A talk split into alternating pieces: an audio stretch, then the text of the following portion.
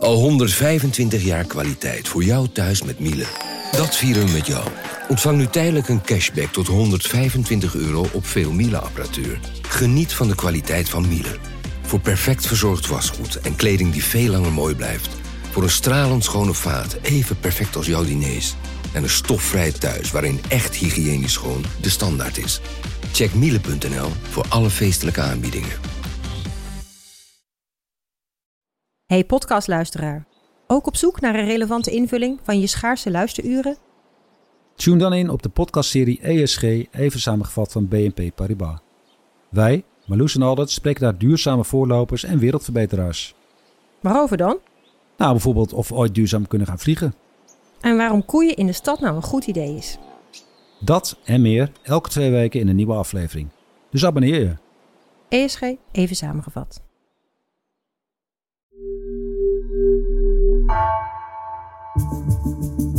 Vanaf de redactie van NRC het verhaal van vandaag.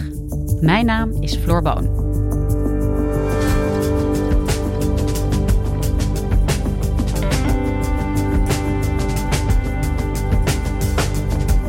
Geen Twitter voor Elon Musk.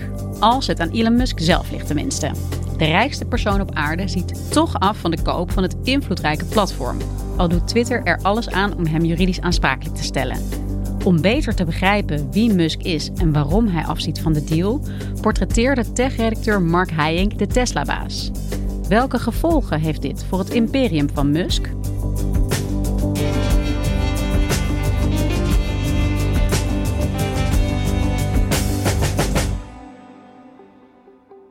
Elon Musk die nam uh, begin april uh, eerst een klein aandeel in het uh, berichtennetwerk Twitter. Hij kocht toen 9,2 procent.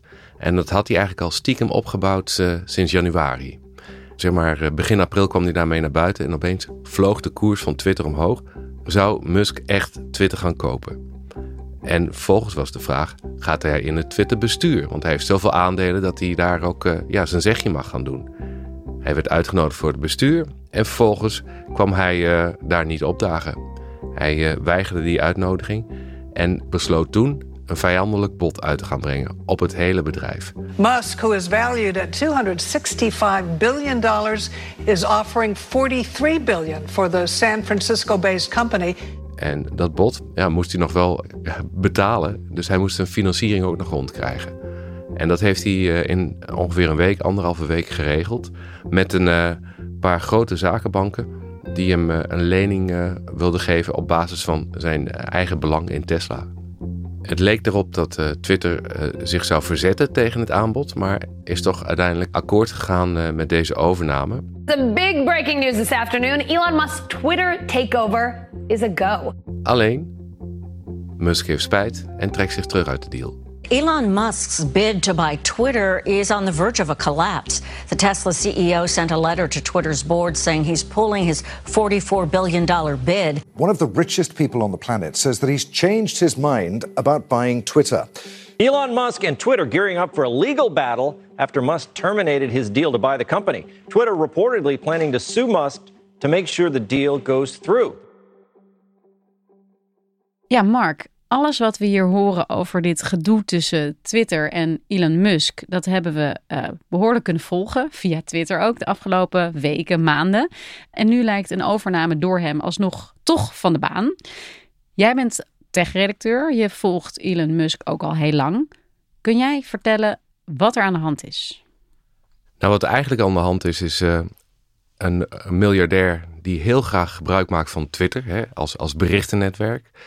Uh, die komt op het idee om uh, dat netwerk te gaan kopen. Want hij heeft het idee dat hij niet in alle vrijheid zijn berichten kan uh, ja, posten. Daar in een impulsieve bui doet hij een bod op, op het op netwerk dat hij zoveel gebruikt.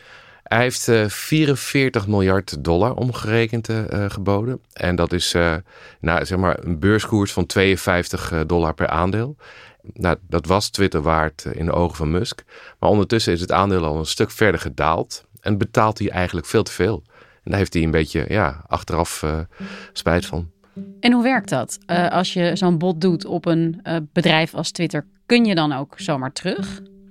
Nee, want hij heeft een contract getekend uh, waarin hij ook zegt: Ja, ik vind het allemaal prima wat jullie hebben. Ik wil het gewoon kopen en ehm, ik betaal dit ervoor. Sterker nog, ik zal zelfs 1 miljard dollar betalen als op de een of andere manier deze deal niet doorgaat. Nu zegt hij dus: Je hebt je niet aan je afspraken gehouden, want het netwerk heeft veel meer bots, veel meer niet-menselijke gebruikers dan jullie oorspronkelijk beloofd hebben. Dat is eigenlijk ja, de kern van waarom hij zegt dat hij dat bedrijf niet meer wil kopen. Ja, hij heeft het idee dat hij een kat in de zak gekocht heeft. Twitter zegt dat is niet waar. We hebben helemaal niet zoveel bots als jij zegt dat er zijn. En anders had je het van tevoren maar goed moeten onderzoeken. Die kans hebben we je geboden. Maar ja, eh, je hebt er geen gebruik van gemaakt. Nu zit je vast in die deal. Ja, Mark, we hebben het al over Elon Musk als uh, iemand die iedereen zou moeten kennen. Hè? Iemand die nauwelijks introductie behoeft. Inmiddels volgens mij de rijkste man ter wereld. Kan jij vertellen wie dit is? Ja, um, als je Elon Musk zou moeten typeren, ja, dan is hij in twee zinnen eigenlijk een jongetje dat in uh, Zuid-Afrika opgroeide en eigenlijk een ongelukkige jeugd had. En iemand die zich vervolgens vond uh, in Canada en de Verenigde Staten in een uh, hele competitieve omgeving waar hij als ja, natuurkundige, wetenschapper en zakenman kon excelleren. En ja, nu is hij een soort superster geworden. Hij is 51, hij heeft het meeste kapitaal van iedereen uh, ter wereld. Hij heeft een uh, paar prachtige bedrijven onder zich en staat continu in het midden van de belangstelling. En dat is niet zo raar dat de makers van de film Iron Man, hè, met die superheldenfilm met Tony Stark, zich hebben laten inspireren eigenlijk door het persoon van Musk. Hij heeft zelfs een keer een klein rolletje in die film gespeeld. Hij is uh, vooral rijk geworden, of heeft zijn rijkdom te danken aan Tesla, het bedrijf dat hij mede heeft opgericht. Hij is daar heel vroeg ingestapt. En uh, ja, het is een hele brede waaier aan, aan onderzoeksobjecten die hij heeft. En, sommige bedrijven zijn nou echt super waardevol, zoals Tesla en SpaceX. En, en, en dankzij die hele waaier aan bedrijven heeft hij nou een zeg maar, een theoretische waarde van meer dan 200 miljard dollar. Dat fluctueert nog wel hoor, want het, het, is afhankelijk van de koers van Tesla. Dus hij heeft zeg maar, op papier geld genoeg en heeft er geld over voor, voor rare hobby's, zoals het kopen van een berichtennetwerk als, als Twitter. Waarom wilde hij dit kopen? Hij vindt dat Twitter, zijn favoriete plekje op internet, te hard ingrijpt in de vrijheid van meningsuiting. Dat zie je bijvoorbeeld in, in Musk's eigen uh, tweets, die beknot worden door een beurswaakhond. Hij mag eigenlijk niet maar zo maar iets twitteren over, over Tesla. Want ja, hij heeft daar een paar keer de koers mee beïnvloed. Dat is niet de bedoeling. Tegelijkertijd zegt hij het ook, trekt hij het wat verder en zegt hij van ook, ook types als Trump, Donald Trump, de voormalige president van de VS, die zou eigenlijk weer op Twitter terug moeten kunnen.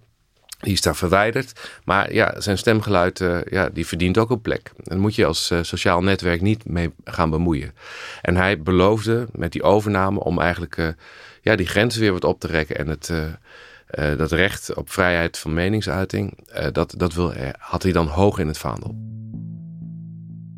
Ja, dat is hoog in het vaandel. Een plek waar hij gewoon zou kunnen zeggen wat hij wil. Uh, ja, Elon Musk is ook iemand die heel erg zichtbaar is. Uh, ook op dat platform, maar zichzelf op allerlei manieren het in de kijker weet te spelen. Met zijn uh, SpaceX-bedrijf. Ook volgens mij, er circuleert toch ook een rode Tesla in een baan om de aarde op dit moment? Ja, het, volgens mij zit er zelfs een poppetje in. En zelfs met een poppetje. Ja, het, het, maakt hem ook altijd heel moeilijk om hem nou een beetje te vatten van wie deze man is. Als je even kijkt naar dit avontuur hem met Twitter. Wat zegt dat over hem? Ja, ik vind het een, een, een, hele goede vraag, maar lastig te beantwoorden. Omdat hij zo'n uh, ja, noem het, multidimensionaal persoon is. En nou, je hoeft zijn Twitter-feed maar langs te lopen om te zien dat hij van de hak op de tak springt. De ene keer is het heel serieus, gaat het over ruimtevaart of over grote financiële belangen van Tesla. De andere keer zit hij een beetje geintjes te maken ja, over anderen of over, over president Biden, noem maar op. En dat maakt het zo lastig om, om zo'n actie als dat bot op Twitter te duiden. Ik heb wel het idee dat hij uh, ja, een, een, impulsieve daad heeft begaan. En uh, daar ook wel een, zeg maar een soort spelelement in zag. Van eh, hoe kan ik mijn frustratie over dat wat ik wel of niet op Twitter kan doen, hoe kan ik dat nou eens uit? Nou, laat ik het, het eens persoonlijk maken en me richten op die top van Twitter. Want ik ben het er niet mee eens wat voor beleid zij voeren. En hij schudde zeg maar die kooi heen en weer van ja, ik ga jullie kopen, ga jullie niet kopen, ga jullie wel kopen. Dat was een spelletje vooraf al een beetje. En toen opeens kwam er een bod en had hij ook het geld voor elkaar. Maar wat zou erin zitten voor hem? Wat zou de waarde zijn van Twitter voor iemand als Musk, die eigenlijk alles al heeft? Ja, ik denk dat hij zelf al vrij duidelijk was dat hij er geen financiële waarde in zag. Dus hij zei ook letterlijk van ik heb hier geen businessplan voor. Twitter is momenteel geen winstgevend bedrijf, is het eigenlijk nooit geweest. En hij had ook niet echt een plan om dat te verbeteren. Hij had wel een plan zeg maar, om de ervaring van gebruikers te, te verbeteren. Dus hij presenteerde zichzelf als een soort messias die het, uh, het netwerk even een stukje beter zal maken voor de rest van de wereld. En hoe hij dat ging doen, daar was hij een beetje onduidelijk over. Ja, eh, ook dit soort dingen roepen heel erg de vraag op van wie is deze man dan en, wat wil hij eigenlijk bereiken? En het is altijd moeilijk, maar hè, om dan te gaan psychologiseren of zo over iemand die we eigenlijk helemaal niet kennen. Het is toch een taak waar ik me met hem, eh, samen met mijn collega Stijn Bronswaar op heb gericht. Ja, om, om hem een beetje te doorgronden hebben we eigenlijk heel veel uh, bestaand interviewmateriaal afgeluisterd. Echt urenlang uh, YouTubes en met name podcasts doorgespit. Hij is niet eendimensionaal, maar we kwamen zeg maar al analyserend wel tot zeven eigenschappen van hem die heel vaak naar buiten komen. En die hebben we geprobeerd te, te beschrijven in een portret. Nou, en als je die zeven gezichten zeg maar, op een rijtje zet, dan zijn ze even in vogelvlucht. Hij is natuurlijk in eerste instantie een ondernemer. Hè? De, de, man achter Tesla, achter SpaceX. Maar hij is ook uh, heel typisch een mens met gebreken, zoals hij het zelf omschrijft. En zoals hij dat vaak naar voren brengt. En dat gebrek is dan in zijn geval, uh, zegt hij, uh, het syndroom van Asperger. Een relatief milde vorm van autisme, waardoor hij ja, sociale signalen niet altijd uh, goed interpreteert. En nogal ja, overweldigend aantal ideeën in zijn hoofd heeft. Ja, en, en dit was wel een van de opvallende fragmenten uit een podcast die hij met Joe Rogan deed, een bekende Amerikaanse presentator. Op een gegeven moment heeft hij een trekje van een joint genomen. Dus een heel veel besproken fragment. So is that a joint? Or is it a cigar? Yeah, no. Okay. It's um, marijuana it's inside weird. of uh, tobacco. En daarna biegt hij eigenlijk op uh, hoe hij zich eigenlijk voelt. En dat niemand anders hem zou willen zijn. Het is vreselijk om te leven met een hoofd dat continu explodeert van het ene idee naar het andere. En als je dat niet stop kan zetten, word je langzaam gek. I don't think, I don't think you'd necessarily want to be me. I don't think Well, Well, what's sure, the worst I part don't about you? think people would like it that much. Well, most people wouldn't, but they can't be you. So that's like that's like some superhero type shit. You know, you wouldn't want to be Spider Man. Rather just sleep tight in Gotham City. I hope he's out there doing his job. It's very hard to turn it off. Yeah. En als je naar zijn Twitter-feed kijkt, dan zie je ook dat hij een aandachtzoeker is. Hij houdt ervan om continu in, de, in het middelpunt van de belangstelling te staan. En tegelijkertijd is hij ook echt een familieman. In de zin van dat hij heel veel kinderen heeft. Hij heeft uh, negen kinderen in totaal. Twee tweelingen en een drieling. En volgens mij is er nog net bekend geworden dat er nog een tweeling bij is gekomen. Daar zijn de roddelbladen nog niet helemaal over uit. En dat is uh, bij iemand die werkt bij Neuralink, een van zijn bedrijven. En hij is ook een manager. Dat is een hele opvallende baas. Iemand die een erg directe manier van, van leiding geven heeft. Hij noemt zichzelf een nanomanager. Iemand die zich overal mee bemoeit. Dus van, van elke Tesla of elke raket van SpaceX kent hij het laatste schroefje of het laatste boutje wat, er, wat erin zit. En hij is iemand die zich heel erg uh, verlustigt in het, uh, het pesten van mensen online. Of trollen, noemen we het dan maar gewoon. Op Twitter iemand even voor schut zetten. Knipoog erbij. Ja, de, de, that's Elon. Eerder vertelde je al dat hij heeft zich niet altijd betrouwbaar getoond. Ook niet op Twitter. Hè. Hij, hij, doet, hij zegt daar dingen zodat de koers van het bedrijf uh, omhoog schiet. Dus eigenlijk voor persoonlijk gewin, om geld te verdienen. Daarvoor is hij ook de vingers getikt, wettelijk. Ja, hij staat op een soort eenzame hoogte en communiceert dan uh, in zijn eentje met zijn miljoenen volgers. Ja, hij heeft echt extreem veel volgers. Hij is volgens mij de, ja, een van de grootste of de grootste Twitter-scharen op, op Twitter. Want hij heeft 100 miljoen volgers. 100 miljoen volgers? Ja, meer dan Trump ooit had. Hoe makkelijk is het om als journalist alles wat hij daar zegt, ook hè, voor iemand met zoveel invloed, te verifiëren? Hoe kun je hem als journalist op een goede manier volgen? Ja, ik, uh, voor mezelf is het uh, vooral een kwestie van filteren. En hem proberen te uh, beoordelen op wat hij doet en niet op wat hij zegt. En dat, ja, er zit een hele hoop ruis op de lijn. En dat maakt het, maakt het ingewikkeld. Maar als je zo terugkijkt over de afgelopen jaren, heeft hij bijna altijd wel een dubbele agenda bij alles wat hij tweet. En uh, dat lijkt heel erg op de, de methodiek die uh, Donald Trump bijvoorbeeld toepaste. Die had ook een soort ja, continue drang of dwang bijna om, om via Twitter dingen te regelen, voor elkaar te krijgen. En ehm, daarmee een soort massa in beweging te brengen. Dus als bijvoorbeeld Musk zegt, overweeg Tesla van de beurs te halen en privé te nemen, dan zie je opeens die koers omhoog schieten. En dat is natuurlijk iets wat, wat hij bewust doet met een bepaald effect. En hij doet gelukkig nog veel echte dingen die uh, daadwerkelijk effect hebben. Je moet ook echt niet vergeten dat hij een uh, hele bijzondere ondernemer is die dingen voor elkaar krijgt die, die anderen niet kunnen. Maar hij lijkt eigenlijk geen grenzen te, te kennen. Ja, Musk is de rijkste persoon op aarde en uh, met enorm veel invloed door de bedrijven die hij heeft, door het platform dat hij heeft, door de volgers die hij heeft en macht. Ja, brengt toch ook een zekere verantwoordelijkheid met zich mee. Neemt hij die ook? Gaat hij daar op een goede manier mee om? Nou, laten we vooropstellen, ik zou niet graag in zijn schoenen willen staan. Want het is een hele hoop verantwoordelijkheid om al die grote bedrijven en al, al die kapitalen stromen zeg maar, te, te managen. Maar dat gecombineerd met zijn uh, wispelturige persoonlijkheid is het. Uh, ja, kun je er eigenlijk uh, van uitgaan dat hij dat niet in zijn eentje kan. Hij zoekt wel zeg maar techneuten om zich heen die, die hem inhoudelijk met het product verder helpen. Maar als het gaat om beslissingen, lijkt hij toch redelijk op eigen houtje te opereren. En dat hebben ze ook geprobeerd bijvoorbeeld bij Tesla, om iemand naast hem te zetten die hem in ieder geval begeleidt of een aantal van die taken uit handen neemt. En ja, hoe kun je nou al die bedrijven, en dan ook nog Twitter erbij, op een fatsoenlijke manier runnen, zonder dat je jezelf voorbij loopt of zonder dat je de belangen van anderen verwaarloost? Nee, ik denk niet dat hij dat goed kan.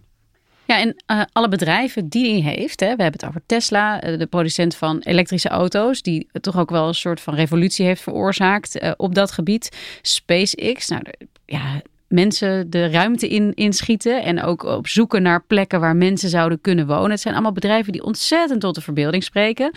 Er zit ook wel iets in alsof hij ja, echt grootse ambities heeft. De wereld beter maken. Tegelijkertijd wil hij natuurlijk ook gewoon heel erg veel geld verdienen en dat doet hij ook. Hoe verhoudt zich dat met elkaar? Ik denk niet dat het per se een uh, tegenstelling is. Dat hij uh, inderdaad wel het beste voor heeft met de wereld. En dat hij zichzelf als een soort uh, verlosser ziet die hè, van, van de mensheid een, zoals, hij dat noemt, een multi-planet species wil maken. Een, een diersoort die op meerdere planeten voorkomt. En tegelijkertijd is natuurlijk ook die, die verbeeldingskracht die hij oproept, is een heel belangrijk ingrediënt voor zijn zakelijk succes. Want hij kan altijd zeggen van ja, maar ik heb een missie. Ik heb een masterplan. Ik wil dit.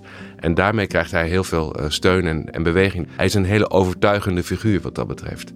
En dat heeft hij ook met Tesla gedaan. Hij heeft met Tesla een masterplan neergelegd van... oké, ik ga eerst een uh, onbetaalbare auto maken... die maar een paar mensen willen. Dan een iets minder onbetaalbare auto. En uiteindelijk wil ik een betaalbare uh, elektrische auto... om de CO2-uitstoot terug te brengen... waar de massa in kan rijden.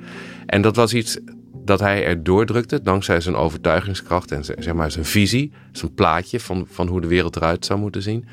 En dat zou nooit vanuit de, de, de gangbare eh, auto-industrie uh, gebeurd zijn. Want die zijn veel meer uh, gebaseerd op het handhaven van de situatie zoals we nou hebben. En je hebt gewoon ook iemand nodig die zich durft af te zetten tegen de conventies. En op die manier juist verandering kan bewerkstelligen. Ja, en Mark, als we nu even terugkeren naar wat, wat er nu gebeurt. De deal tussen Twitter en Musk die Musk niet meer wil. Hoe gaat dit nu verder? Hoe dit nou afloopt, hè, of hij nou moet uh, overnemen of niet. Uh, je kan los van deze zaak wel constateren dat hij een, zijn eerste echte grote uh, nederlaag heeft geleden. Want hij wilde een groot bedrijf overnemen. Een, een bestaand bedrijf. Dat is ook een beetje atypisch voor hem. Hè? Hij is toch een pionier, een oprichter. En krijgt het niet voor elkaar. En hij presenteert zich ook als een soort onbetrouwbare zakenman. En dat is iets wat hem op langere termijn nog veel meer schade kan berokkenen. Even afgezien van, van het geld wat hij mogelijk met, met Twitter zou verliezen. En dat uh, is echt wel een contrast met dat wat hem tot nu toe allemaal gegund is, of waar hij zich doorheen gebluft heeft. En hij lijkt nou een beetje zijn eh, eigen grenzen uh, van wat hij kan en wat hij mag te ontdekken. Misschien bluft hij zich hier weer opnieuw doorheen. Dat zou wel in ieder geval passen bij zijn, bij zijn voorkeur voor piratenliedjes. Hè? Mensen die zich niet aan de wet willen houden. Die schijnt hij in de auto altijd loeihard mee te zingen. De sea shanties. Ik ben benieuwd of het hem nu lukt om weer die wet te omzeilen. Dankjewel, Mark. Graag gedaan.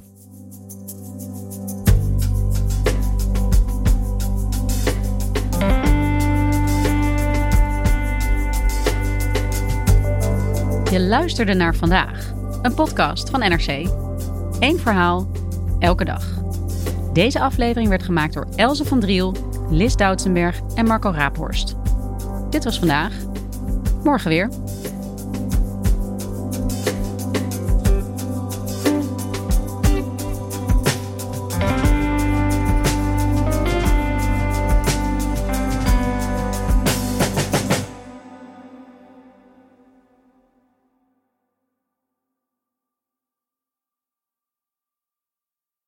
Technologie lijkt tegenwoordig het antwoord op iedere uitdaging. Bij PwC zien we dit anders. Als we de potentie van technologie willen benutten, kunnen we niet zonder een menselijk perspectief. Human-led, tech-powered noemen we dat. Ga naar pwc.nl.